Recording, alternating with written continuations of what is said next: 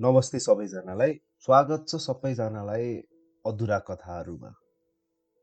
अधुरा कथाहरूको यो एपिसोड टू हो। आज अलिकति फरक विषय लिएर आएको छु।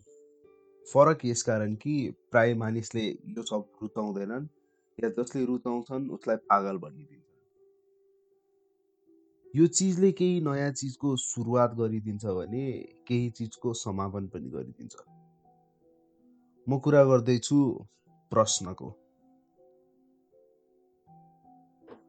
हरेक प्रश्नसँग जोडिएर आएको हुन्छ केही नयाँ खोजहरू। कसैले आफूमाथि प्रश्न गरोस् त आफ्ना कमी कमजोरी निहाल्न थालिन्छ कोट्याउन थालिन्छ भने कोही माथि प्रश्न गर्नु पर्यो भने रिसर्च गर्न थालिन्छ उसको कमी कमजोरी आफू कोट्याउन थालिन्छ कहिलेकाहीँ त लाग्छ संसार माया प्रेमभन्दा बढी प्रश्नमा टिकेको छ। आफैले आफैलाई प्रश्न सोध्छु भन्यो भने मलाई धेरै मानिसले पागल भन्नुहुन्छ होला। जरुर साथी म पागल भन्दै मुस्कुराउँदै आफैलाई प्रश्न सोध्न चाहिँ कहिले नछोड्नु होला। सायद थोरै मानिस हुनुहुन्छ जसले आफूले आफूलाई प्रश्न गर्नुहुन्छ।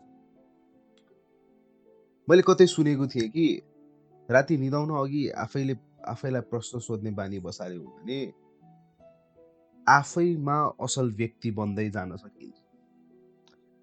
आफ्ना खोट कमी कमजोरीहरू माथि आफैले प्रश्न उठाउन सक्यो भने सायद आफै अब्बल हुनलाई नयाँ नयाँ तरिकाहरू देखिन्छन् कि नयाँ नयाँ बाटो आफै बन्दै जान्छन् कि?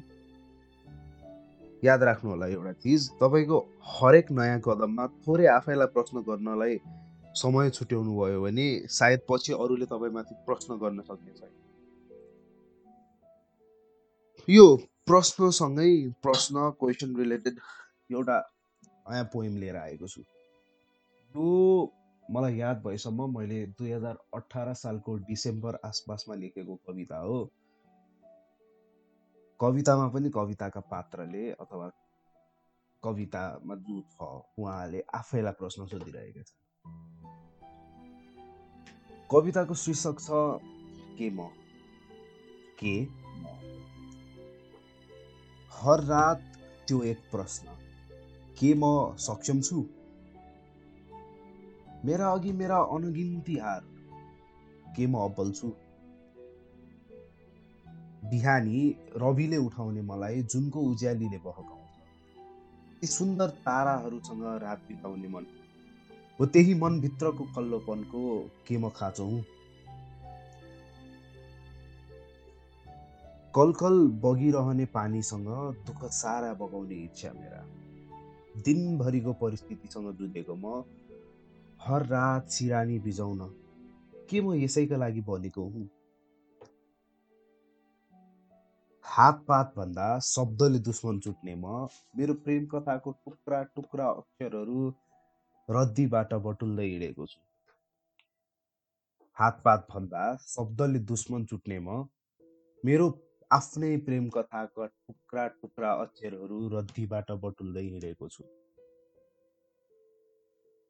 रित्तो सडक।